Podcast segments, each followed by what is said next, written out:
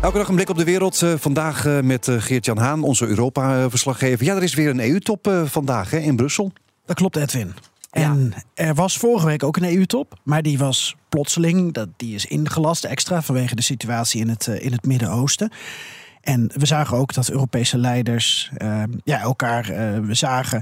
Bijvoorbeeld op de NAVO-top twee weken geleden. Of afgelopen week ook bij de EU-VS-top. Dus iedereen heeft in ieder geval goed contact met elkaar. En dat geldt ook voor ministers van Buitenlandse Zaken en Binnenlandse Zaken. Want iedereen is momenteel bezig met Israël, uh, de Gazastrook. En ja, dat wat daar nu gebeurt in ieder geval niet overslaat ook richting Europa. Ja, wat is dan het belangrijkste doel van deze top? Nou, er is al een voorstel gepresenteerd. Uh, dus de diplomaten hebben al onderhandeld over welk standpunt de EU uh, op deze top gaat innemen. Een top die wat meer in het teken staat van humanitaire hulp richting uh, de Gazastrook. En ook gaat over de-escalatie, wat ik dus zei. Ook omdat Rutte er is geweest, Scholz er is geweest, Macron er is geweest. Zijn allemaal ja, naar Israël gegaan. Geweest, ja, wel veel. Is er ook nog geweest. Ja, veel, veel West-Europa in ieder geval. Um, en ook Biden natuurlijk. En allemaal met het idee van uh, wat Israël ook gaat doen. Dit moet niet verder uit de klauwen lopen. Mm.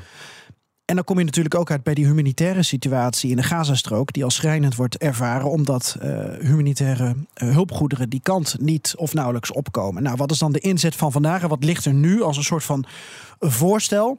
Dat is dat er een humanitaire pauze wordt ingelast en niet humanitaire pauzes. Een soort, soort staakt het vuren, eh, maar dan humanitair. humanitair. Ja, ja. Uh, maar staakt het vuren mag je dus al niet zeggen, Edwin. Nee, oké. Nee, daarom twijfel ik ook even inderdaad. Maar dat is het natuurlijk in de praktijk eventjes wel. Het is een, een enorme semantische discussie. Ja. Ik uh, zat vanochtend ook even naar de ZDF uh, te kijken. En de Duitsers die zijn al helemaal in de war, want die willen nog andere termen ervoor gebruiken. Zolang je maar geen staakt het vuren noemt, maar in ieder geval ruimte maken zodat de humanitaire hulp naar Gaza kan. Zolang je het bij enkelvoud houdt. Dus dat het een pauze is en niet pauzes. Want pauzes zou alweer te veel richting een staakt het vuren gaan. Want mhm. dan ontneem je Israël als het ware het recht om hun militaire operatie uit te voeren. Hun uh, offensief eh, tegen Hamas. En op dit moment wordt een, een enkelvoud gebruikt. Ja, dit is allemaal diplomatie van de, maar, van de maar, hoogste plank. Maar, waarom is dat zo ingewikkeld? Is het nou zo ingewikkeld omdat Europa toch een klein beetje verdeeld is? Ja, uh, omdat uh, Europese landen uh, op een verschillende manier naar dit uh, conflict uh, kijken, naar deze oorlog kijken. Wat ook niet raar is, want we zitten met 27 Europese landen op dit moment in een unie, met allemaal een verschillende historische band met Israël, met de Arabische wereld in het Midden-Oosten. Ook een verschillende uh, demografische situatie. Er zijn landen met veel meer mensen van Arabische afkomst um, dan andere. Mm. Um, geen wonder dus ook dat een land als uh, Spanje een, een, voortrekker op dit moment is om uh, wel voor een staakt het vuren te pleiten en voor nog meer humanitaire hulp richting Gaza. En je hebt natuurlijk ook een verschillende immigratiepolitiek in Europa. Mm -hmm. Uh, er zijn landen die heel erg streng op migratie zijn. En je ziet dus ook een land als Oostenrijk dat dus zegt: ja, um, wij, wij staan vol achter Israël. Al is het maar omdat wij bang zijn dat Hamas naar ons anders toe komt. Dus zij hebben onze onvoorwaardelijke steun om Hamas nu uit te roeien. Ook al gaat dat, zeg ik even gechargeerd, ten koste uh, van heel veel burgerdoden. Omdat anders dan komen die uh, mensen naar ons toe. Maar... En uh, dan hebben wij weer een probleem. Dus iedereen heeft ook een andere inzet vanuit uh, zijn eigen land. Maar ze zijn dus uh, vandaag uh, aan het vergaderen hoe ze het dan inderdaad zullen gaan noemen. Dat er in ieder geval humanitaire hulp moet komen. Dat er een humanitaire Enkelvoud, dat pauze, pauze ja, moet. Ja. Maar ze gaan er niet over, toch? Hoe bedoel je? Nou ja, ik bedoel, ze kunnen dat wel vinden, maar uiteindelijk moeten of Israël en Hamas moeten die pauze invoeren. En Egypte ja. uh, moeten uh, gaan helpen in de regio. Maar je ziet wel uh, dat op basis van wat Netanyahu nu zegt, dat de druk vanuit het Westen, met name natuurlijk vanuit Amerika, maar om nu niet maximaal in te zetten met een, een keihard grondoffensief. Nee, er zijn, er zijn vannacht wel uh, militairen zijn in Gaza geweest, hè, maar dat was nog niet het begin van het grondoffensief. Ik, ik heb een gruwelijke hekel aan het woord proportioneel, maar ja. er zijn weinig andere manieren om het, om het uit te leggen.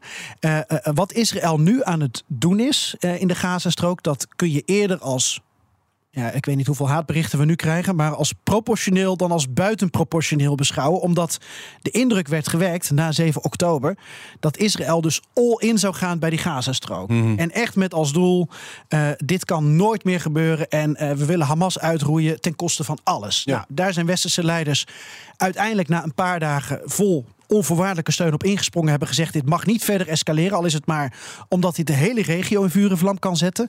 En het heeft op dit moment de schijn van dat uh, Netanyahu met een vorm van proportionaliteit dit aan het uitvoeren is.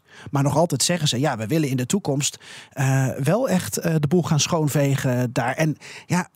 Iedereen in Europa loopt dus toch een beetje op eigen. Ja. Maar ook om redenen die, die ik zeg, Edwin. Iedereen denkt ook aan, aan hoe het in zijn eigen land, uh, wat de weerslag op zijn of haar land zou hebben. Maar inderdaad, met Oekraïne was, stond Europa op één lijn. Nu is Europa dan verdeeld. Ik bedoel, ja. wat stellen we dan voor als Europa als we het eigenlijk bijna niet eens kunnen worden?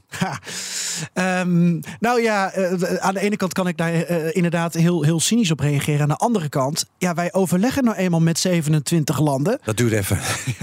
nou, en we willen dat op democratische wijze. Ja. ik weet niet of het heel populair is om, om dit zo te zeggen. Het grote probleem is volgens mij dat er in Brussel uh, drie kapiteins zijn op een buitenlands schip. Mevrouw von der Leyen, meneer Michel en meneer Borrell. Ja, dat is ook al flinke kritiek hè, op von der Leyen. Ja, uh, maar ook op, uh, ook op Borrell, die uh, op dag twee alweer sprak over de twee-staten-oplossing. Terwijl dan weer andere leiders zeiden: ja, dit is niet het moment. Achteraf denk ik, eerst had von der Leyen moeten gaan om haar onvoorwaardelijke steun voor Israël uit te spreken.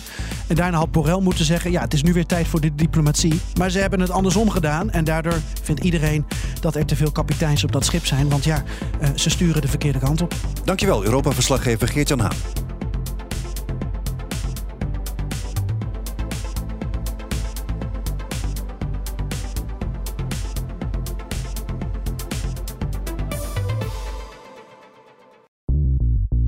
Bij BNR ben je altijd als eerste op de hoogte van het laatste nieuws. Luister dagelijks live via internet. Jelle Maasbach, Wesley Weert. We zijn er voor je met het leukste, opvallendste, maar natuurlijk ook het belangrijkste nieuws. Tijdens de presentatie van die halfjaarcijfers toen die beurskoers in elkaar kukkelde. BNR Beurs. Voor de slimme belegger. Blijf scherp en mis niets.